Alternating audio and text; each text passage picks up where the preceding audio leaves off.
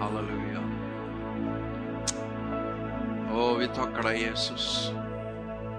Takk at du er her i kveld, midt iblant oss. Og vi ber, Herre, at du skal røre våre hjerter, våre sinn, Herre. Takk at du har en plan for den enkelte. Takk at du vil oss bare vel.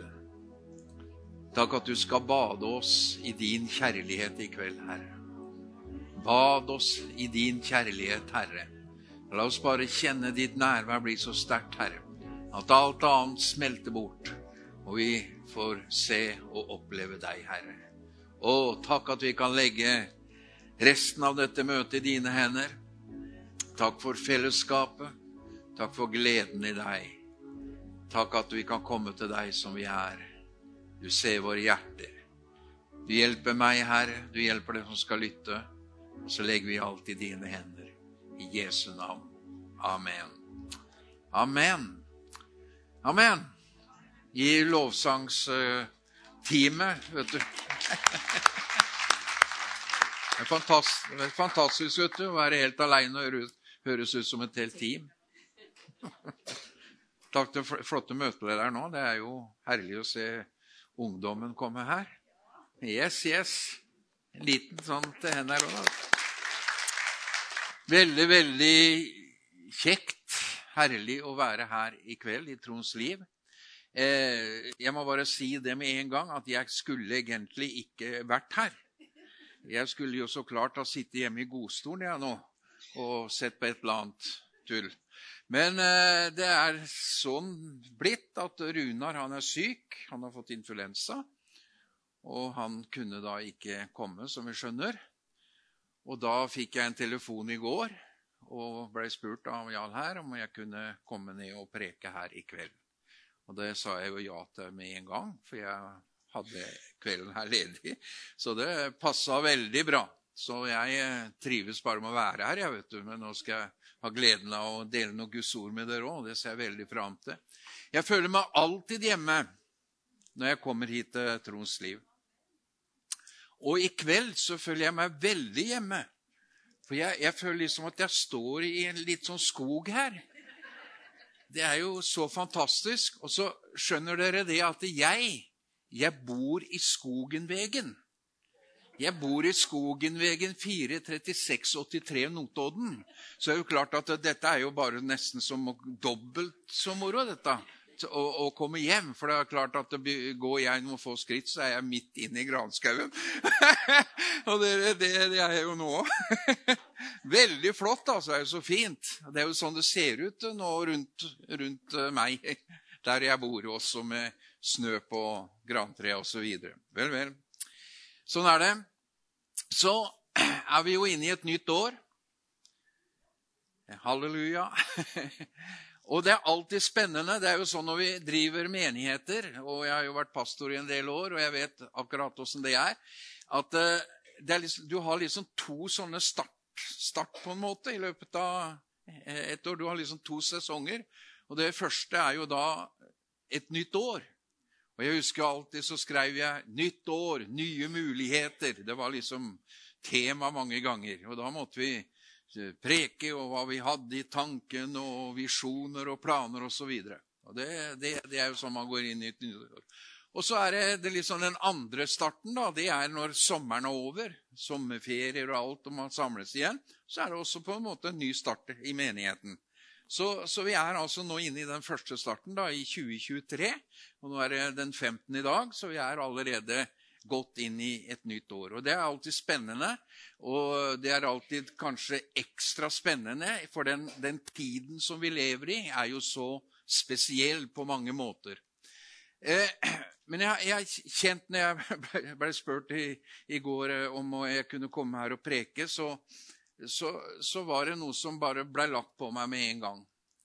Så jeg, så jeg har bestemt her i kveld at jeg kommer til å preke noe veldig enkelt.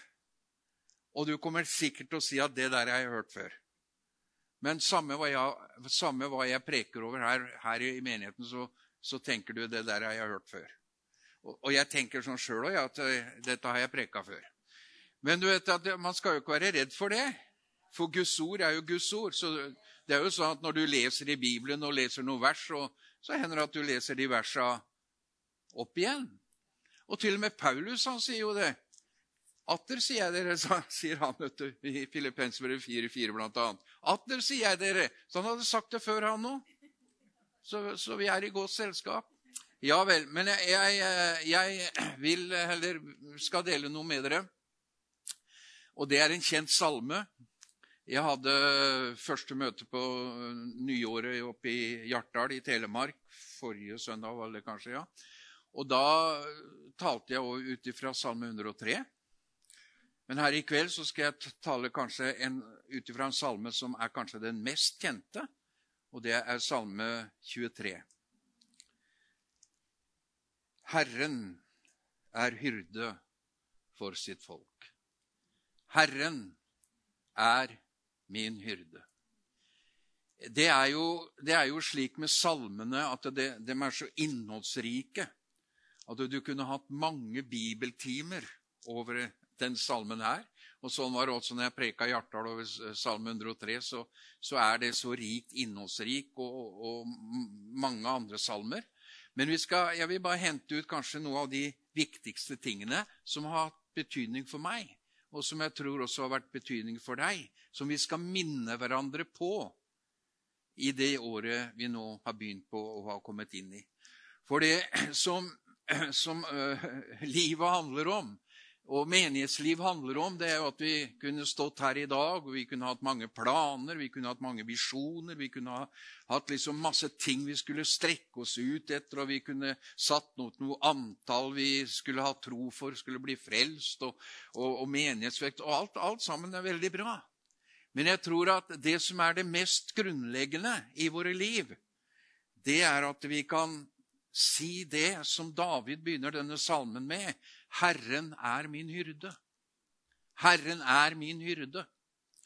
Eh, David har jo skrevet eh, ca. 73 salmer av de salmene vi har.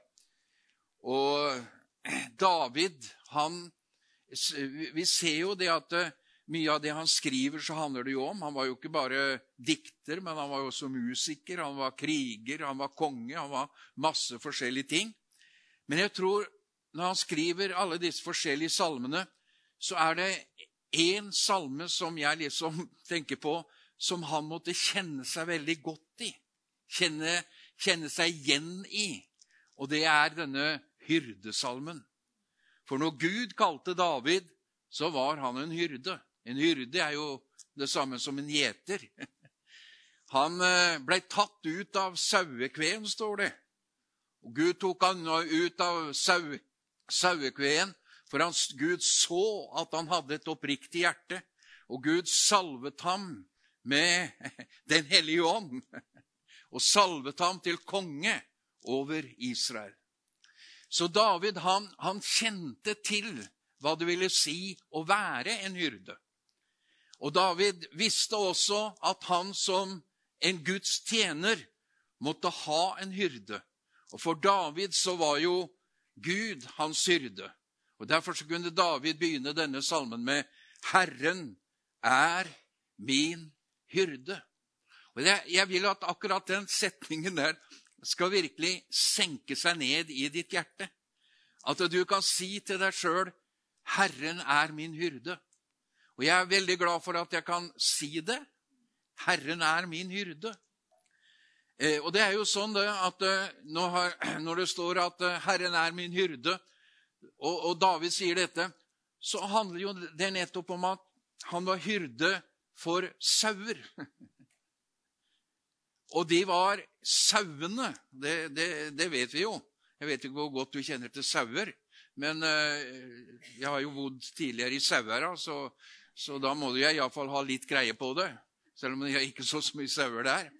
Men når jeg var liten gutt, så var det sånn at jeg måtte være med besteforeldrene mine opp på en gård som heter Brennekåsa, som lå, ligger sånn eh, på heia, som vi sier, i nærheten av Vatnar. Og på den gården, der, si, der ble jeg kjent med sauer og, og, man sier jo gjerne 'du er jo dum som en sau'. Det har du sikkert hørt. Men sauene er ikke så dumme som vi tror. Det er nå én ting. En annen ting det er jo dette her at sauene, og det lærte det så jeg veldig fort, at de var jo veldig avhengig av mennesker, eller dem som var eh, ledere på en måte, eh, som kunne ta hånd om dem og beskytte dem osv. For sauene er kanskje et av de mest sårbare dyr som er. Du tenker, De har liksom ikke noe veldig forsvarsevne. og sånn. Du blir liksom ikke Møter en sau, så blir du ikke redd. Jeg syns det er veldig koselig, egentlig. Det sier jo masse sauer her i kveld. så, så, så jeg, jeg ble liksom tatt med der og, og, og så disse sauene, åssen de oppførte seg osv. Og, så, og så sa de det. Jeg fikk en sau. Altså, jeg var, jeg var kanskje bare sånn sju-åtte år gammel. Så fikk jeg min egen sau. Og da begynte min hyrdetjeneste. og den sauen heter Kari. Så hvis du er her i kveld som heter Kari, så bare slapp av. Jeg har, jeg har hatt litt sånn med det der, for jeg, jeg har hatt noen karier i menigheter opp igjennom. Eh, og så, så, sa de, så sa de det til meg når, når det, mora mi strikka, eller bestemor strikka, så sa de at den, det de strikka, det kom fra Kari. Det kom fra sauen. Det vet jeg ikke, men de sa det da, liksom for at jeg skulle ha et sånt personlig forhold til den sauen. Men de sa ikke det når jeg satt og spiste fårikål. Nei, det, det turte de ikke å si.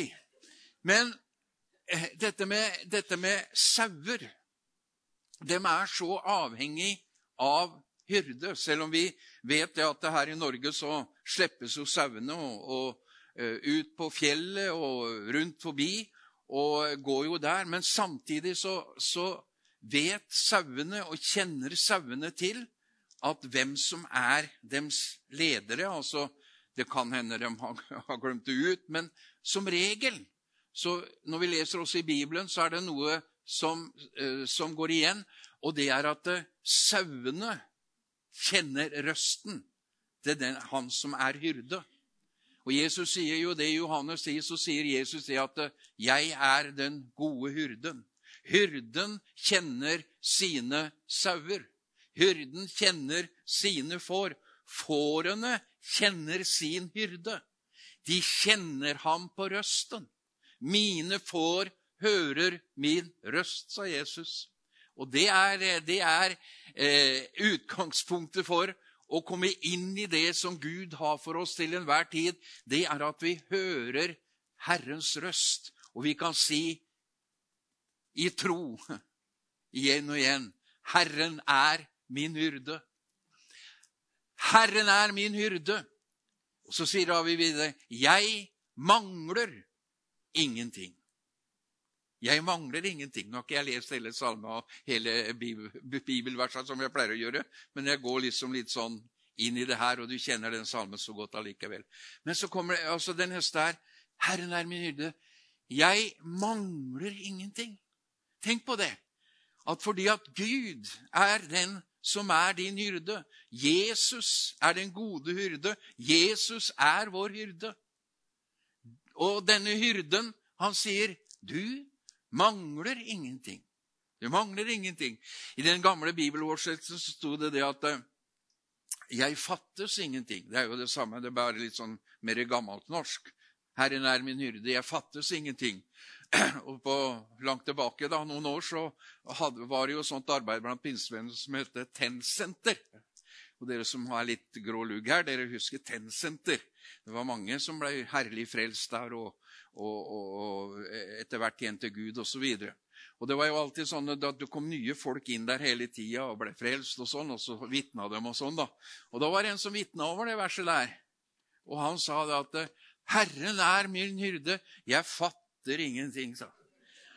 Og jeg for, Han leste jo, da sto det 'fattes ingenting', men, men, han sa 'jeg fatter ingenting'. Men eh, det, det, det, er jo sånn det er egentlig, fordi det, det er vanskelig å fatte at Herren er min hyrde. For fordi, fordi det er av nåde alt sammen. Og nåden, nådens rikdom, den kan vi liksom aldri fatte fatte fullt ut. Forstå fullt ut. Vi må bare ta imot den og bøye oss for den. Herren er min hyrde, jeg mangler ingenting. For vår rikdom, den er jo i Kristus. Jesus sier at det er ingen som kan rive dere ut av min hånd. Han gir oss av overflod. Det står så, så sterkt i Efeserbrevet 1,3 at vi er velsignet med all åndelig velsignelse i himmelen i Kristus Jesus. Så hvis du tenker på er jeg, blir jeg velsigna i kveld, så er du allerede velsigna. Ja, men hvor mye velsigna er du av? Du er velsigna med all velsignelse som er i himmelen i Kristus Jesus. Ja, Der fatter ikke jeg noe, altså. Men det er en virkelighet. Du er rik. Du er rik fordi at han sier 'du mangler ingenting'. Han lar meg ligge i grønne enger. Han leder meg til hvilens vann. For en hyrdes oppgave, det er blant annet å lede, lede sauene, ta dem med seg til der det er mat. Grønne enger, det handler om her er det mat. Og hyrden, han tar deg med til de grønne enger. Han vet hva du behøver. Han vet hva du trenger til enhver tid akkurat den maten du trenger. Det vet han om. Han leder deg til de grønne enger. Når jeg satt her nå og lovsangen begynte her, så bare kjente jeg Gud kom. Og det var som Herren sa, 'Jeg skal bade deg. Jeg skal bade dere i min kjærlighet.' Han kommer til oss og leder oss til de grønne enger. Det er jo ikke noe sted som en sau trives så godt som det er på en grønn eng. Da har han det som kua i ei grønn eng, holdt jeg på å si.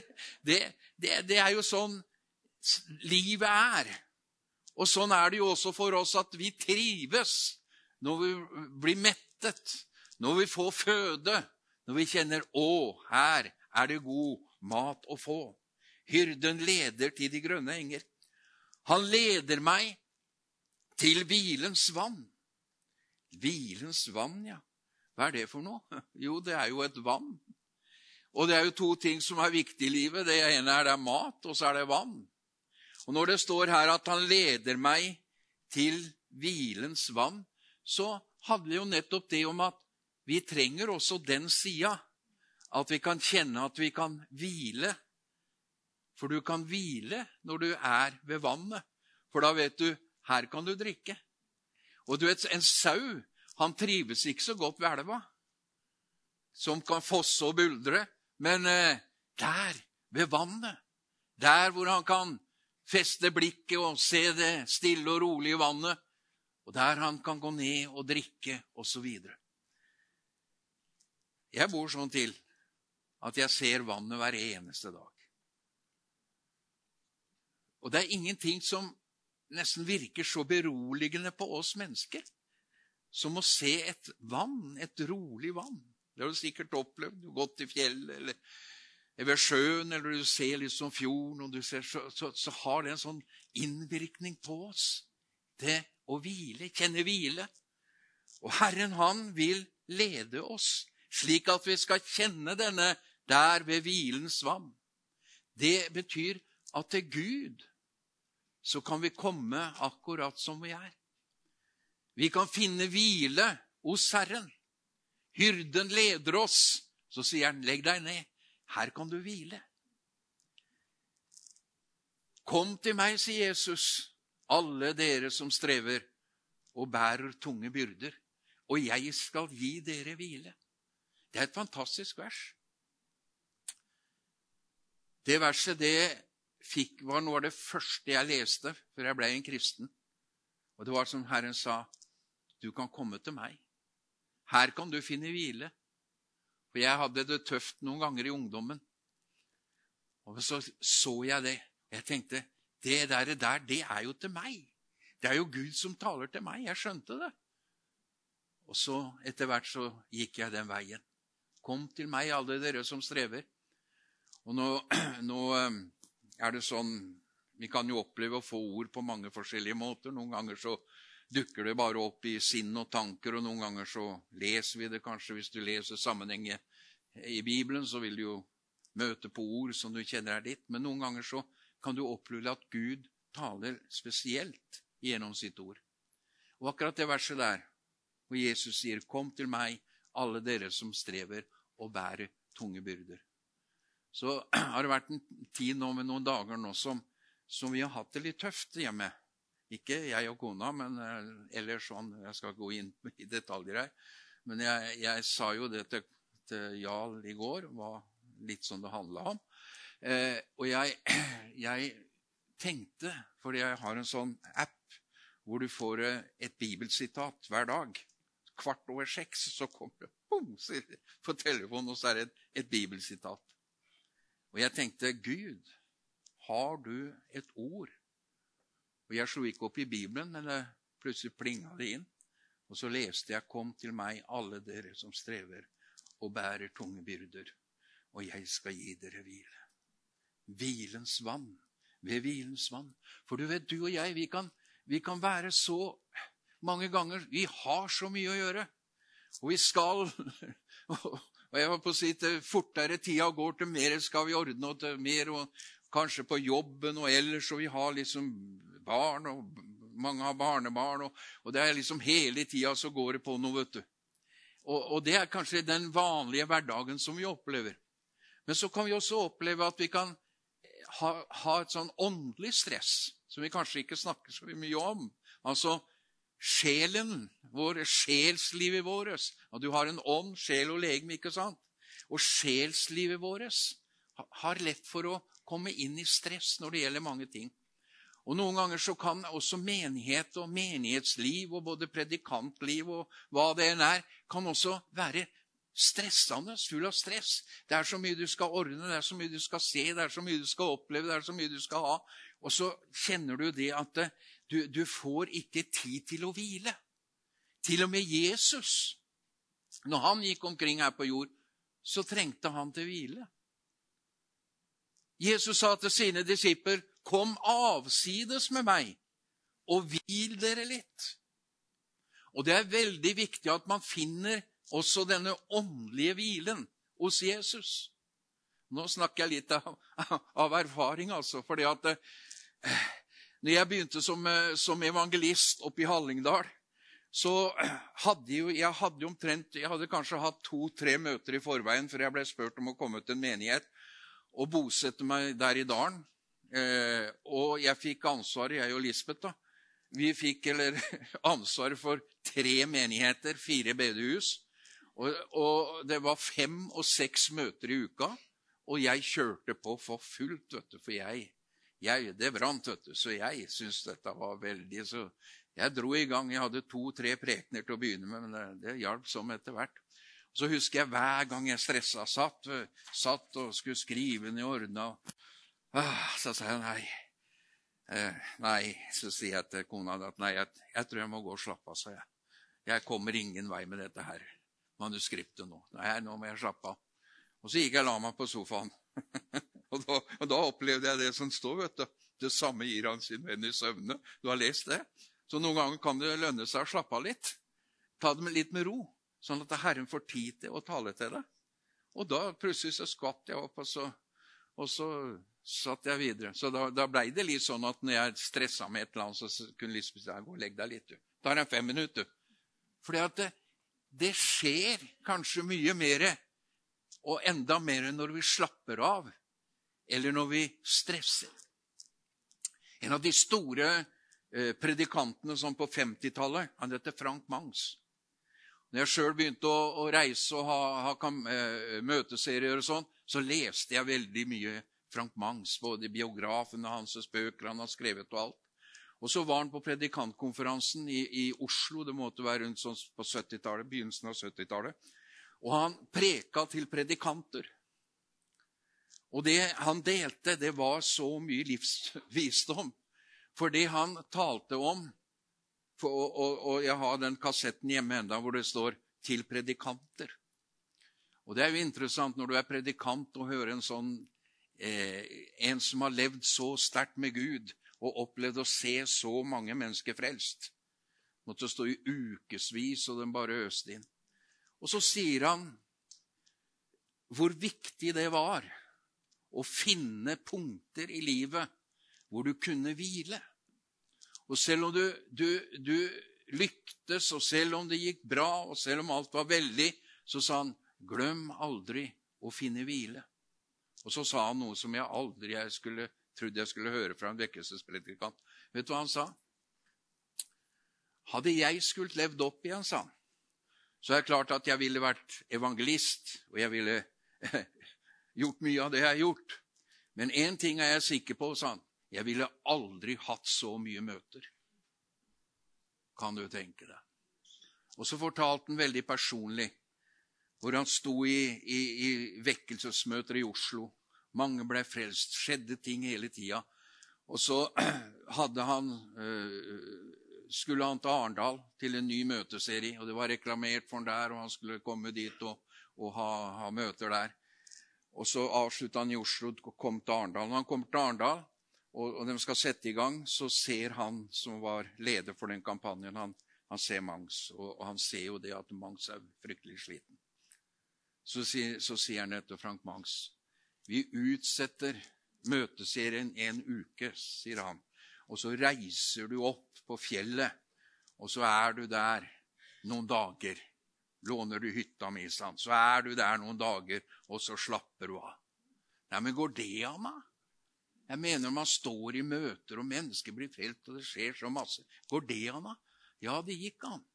Og det tror jeg virkelig var Han sa han trodde det var redningen for ham. altså. Hvilen. Å finne hvile. Hvile i sjelen.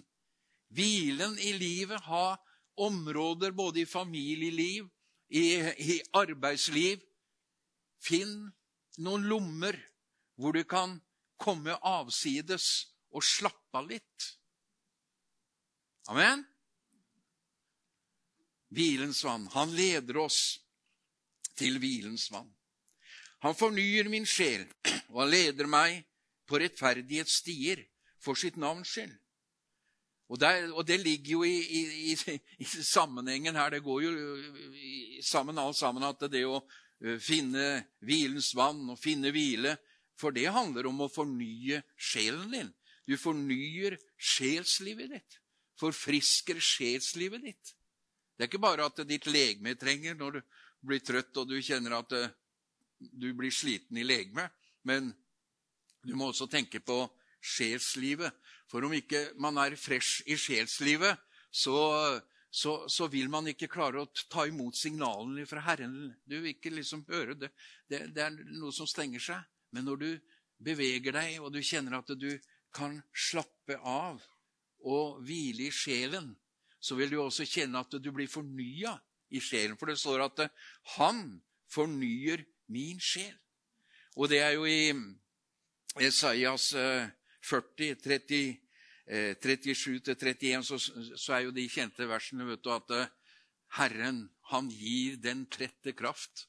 Og den som ingen krefter har, gir han stor styrke. De blir unge igjen som ørnen, og de løfter sine vinger. De løper, og de blir ikke trette. Halleluja. Tenk så herlig at Herren kommer og fornyer vårt sjelsliv. Det er sånn at du du kjenner 'Å, Gud gjør noe for meg'. Som en ørn. Et ørne, dem, eh, den, eh, det som er litt spesielt med en ørn, blant annet da, mange ting det, men han skifter ham, altså han skifter fjærer. Og når den gjør det, så flyr den og er for seg sjøl. For mens den er der, så kan den se litt pjuskete ut. Men så fornyer han seg. Han blir ung igjen, som han en gang var. Takk og lov. Herren fornyer din sjel. Du blir ung igjen. Kanskje ikke det ser det utapå, altså, men det, det, det, er virkelig, dette her. Men Paulus sier jo det at eh, om det, det ytre huset brytes ned, ikke sant, så er det noe inni som fornyes dag for dag. Så når vi ber om fornyelse, og Gud kommer fornyelse forny meg, så er Den hellige ånd i deg. Og Den hellige ånd fornyer ditt sjelsliv dag for dag. Han fører meg, leder meg på rettferdige stier. Nå, nå, tror du at jeg skal stanse like lenge med hvert ord her, men det skal jeg ikke gjøre. Jeg skal skynde meg litt framover nå. Han leder meg på rettferdige stier for sitt navns skyld. Og det er jo slik at eh, når Herren leder oss, hyrden leder oss, så vandrer vi på en sti som er rettferdighetens sti.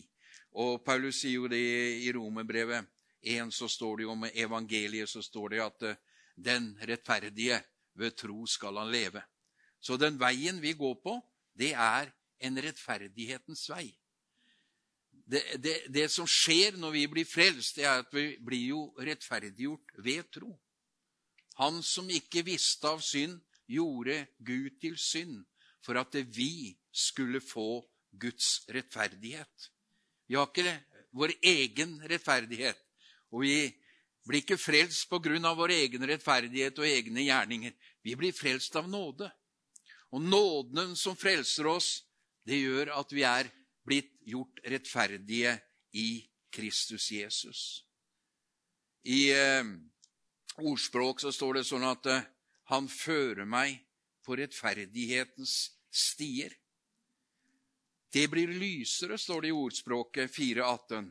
Når han leder oss, så står det, når Herren leder oss på sin sti, så står det det blir lysere og lysere inn til høylys dag. Halleluja. Tenk så herlig.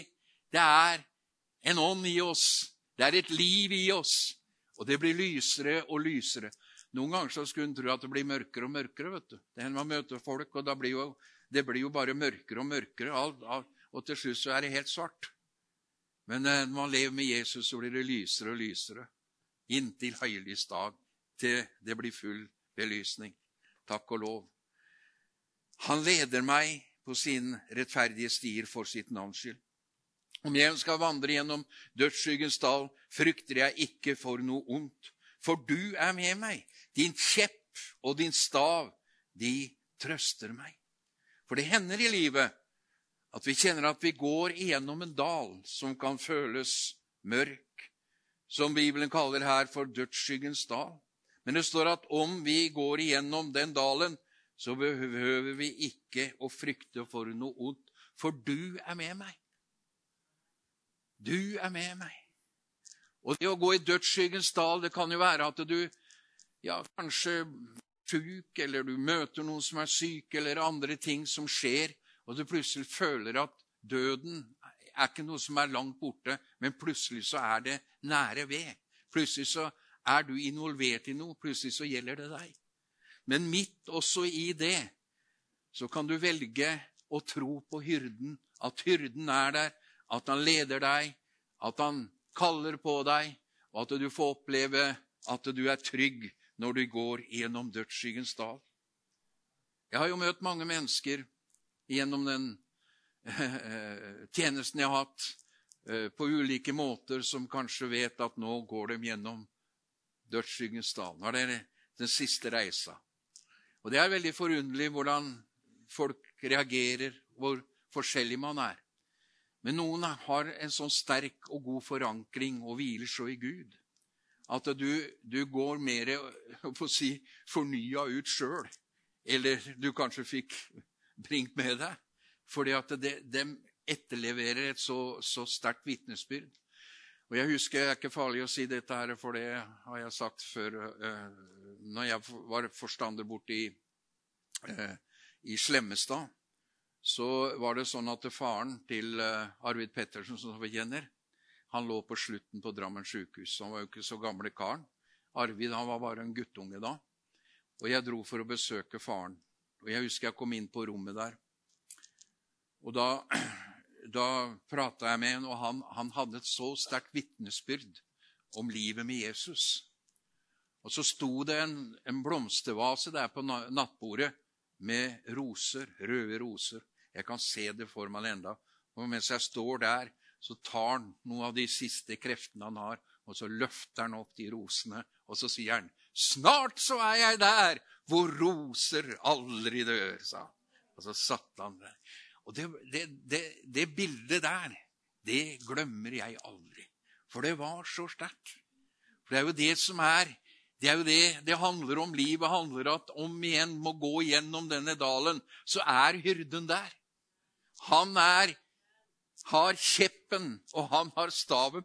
Jeg, jeg undra meg litt på det derre Han er min kjepp og min stav.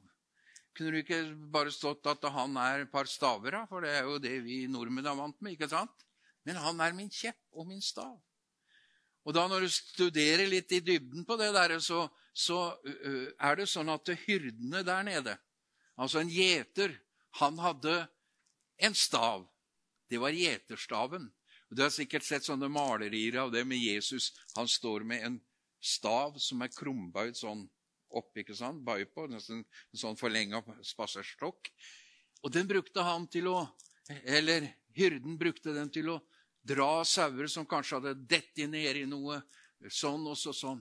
Men så står det han har, Vi har også en kjepp, står det. Han er min stav, og han er min kjepp. Og kjepp Jeg tenkte, hva er det for noe? Skal jageren sauene med den, eller hva er det for noe? Nei, det var et våpen han hadde en, kunne si nesten en slags kølle eller et eller annet, sånn at hvis det var noen som kom i nærheten, så brukte han den å slå. En, han vokta med. Så Sånn er også Herren for oss, hyrden for oss. Han er din kjepp, og han er din stav. Og så står det 'De trøster deg'. De trøster deg. Han huker deg inn igjen med staven, og så beskytter han deg med kjeppen. Er du med? Du dekker bord for meg, rett foran mine fiender. Du salver mitt hode med olje. Mitt beger flyter over.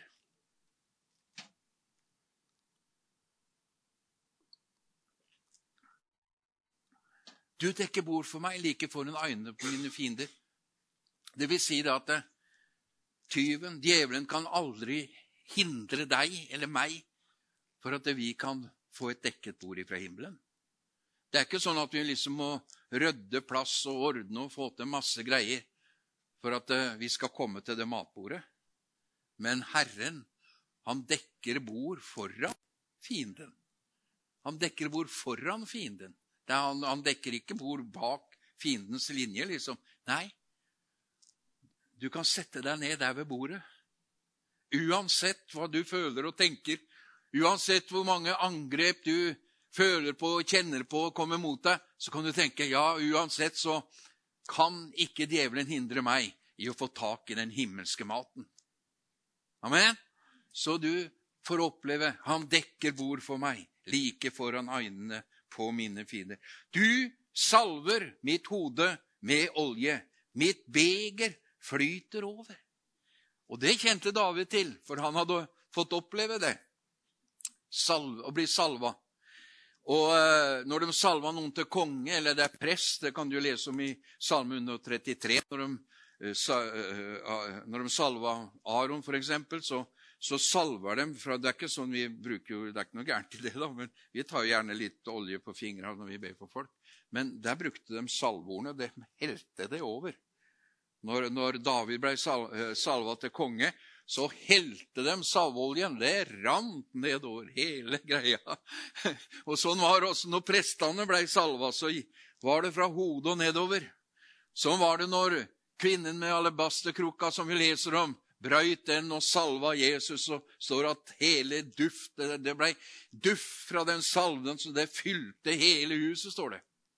Så det her, her handler jo om at eh, salvelse det er jo et bilde på Den hellige ånd. Og uten olje står det, så, så klarer vi aldri å bryte åket. Men det er oljen som bryter åket. Det er salvelsen som, som, gjør at vi kan bryte igjennom. Det er ikke om, hvor flinke vi er til å preke, eller hvor flinke vi er til ditten og datten. Det er bra, alt sammen det i Guds rike. Men det er salvelsen som gjør at det, det går igjennom. Amen.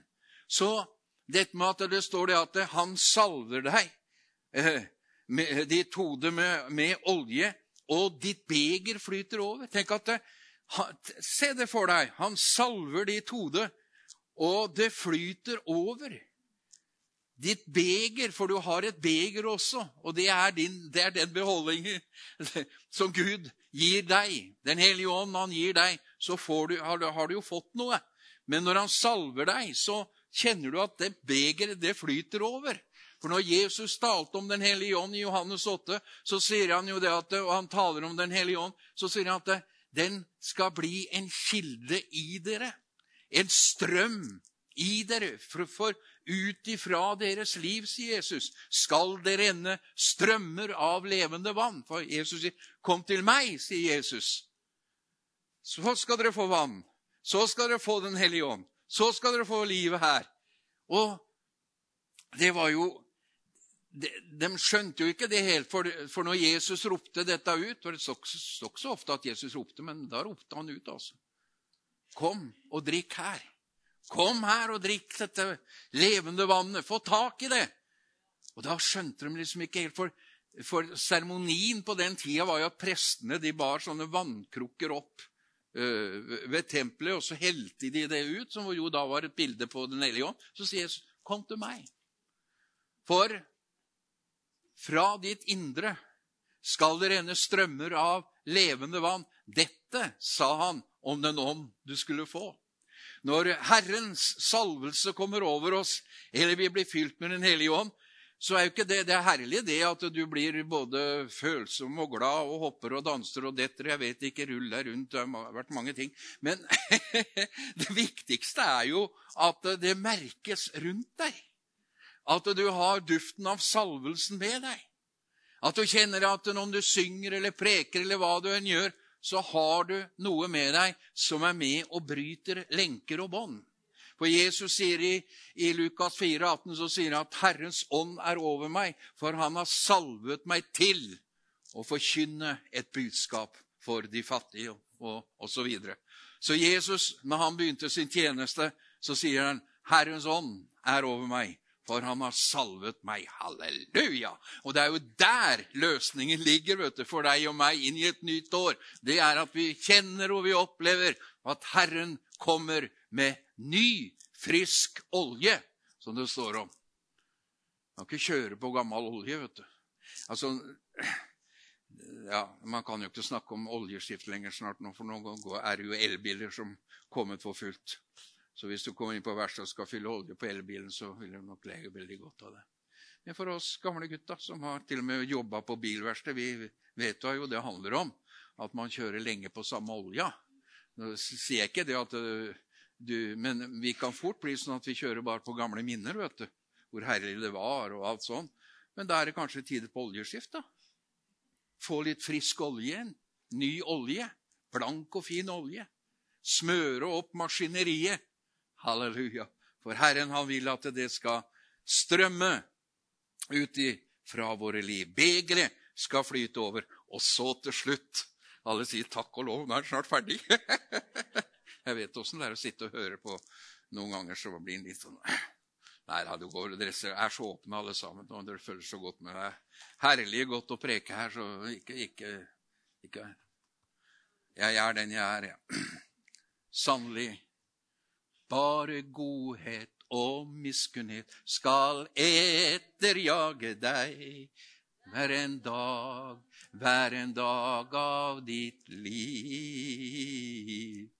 Bare godhet og miskunnhet skal etterjage deg hver en dag, hver en dag av ditt liv. Og jeg skal bo skal snus for evig. Meg. Bare godhet og miskunnhet skal etterjage meg hver en dag, hver en dag av mitt liv. Jeg bør, ikke, ikke, forklare dette verset, for det var så flott, dette her. vet du. For det, det, det handler om Guds godhet og miskunnhet, altså Hans nåde. Hver en dag. 15. januar i dag. Hva er det som skjer? Jo, Herren han er etter oss. Ja, Han er etter oss for å ta oss, da. Kanskje vi har gjort noe gærent? Nei, han kommer og etterjager oss med sin godhet og sin miskunnhet hver en eneste dag. Hver eneste dag. Det er herlig å vite, altså. Det er virkelig godt å tenke på. At når vi har begynt på et nytt år, og vi begynner på en ny dag, så er det godt å vite og, kjenne Herren, du er etter meg med din godhet og miskunnhet. Og så ender det opp der, og jeg skal bo i Herrens hus for evig. Alltid, alltid evig. Og Det er det som er målet vårt. Og når vi lever i en tid og vi er inne i et nytt år, og vi vet at det er så mye uro og problemer både i denne verden og kanskje rundt omkring oss, så er det veldig godt som gutten, gutten sa som leste boka, vet du. Han leste ei bok, og så blei det så spennende. Så han klarte ikke å holde seg, han måtte hoppe helt bakerst i boka. Og så leste han åssen det gikk, da. Og så, sa, så, så snakka han med mora og så spør mora åssen er det, har du fått lest boka? Ja, nei, jeg har ikke lest hele boka, jeg vet åssen det gikk, sa han. Vet åssen det gikk, sa hun. Ja. Ja, jeg leste bakerst i boka, jeg, så da vet jeg åssen det endte. Og jeg er veldig glad for det. Halleluja. Det er mange ting som kommer til å skje, det er mange ting man blir forundra om. Men jeg er veldig glad for at jeg har lest bakerst i boka. Fått med meg det, altså. Ja. Skal du høre hva som står helt bakerst i boka?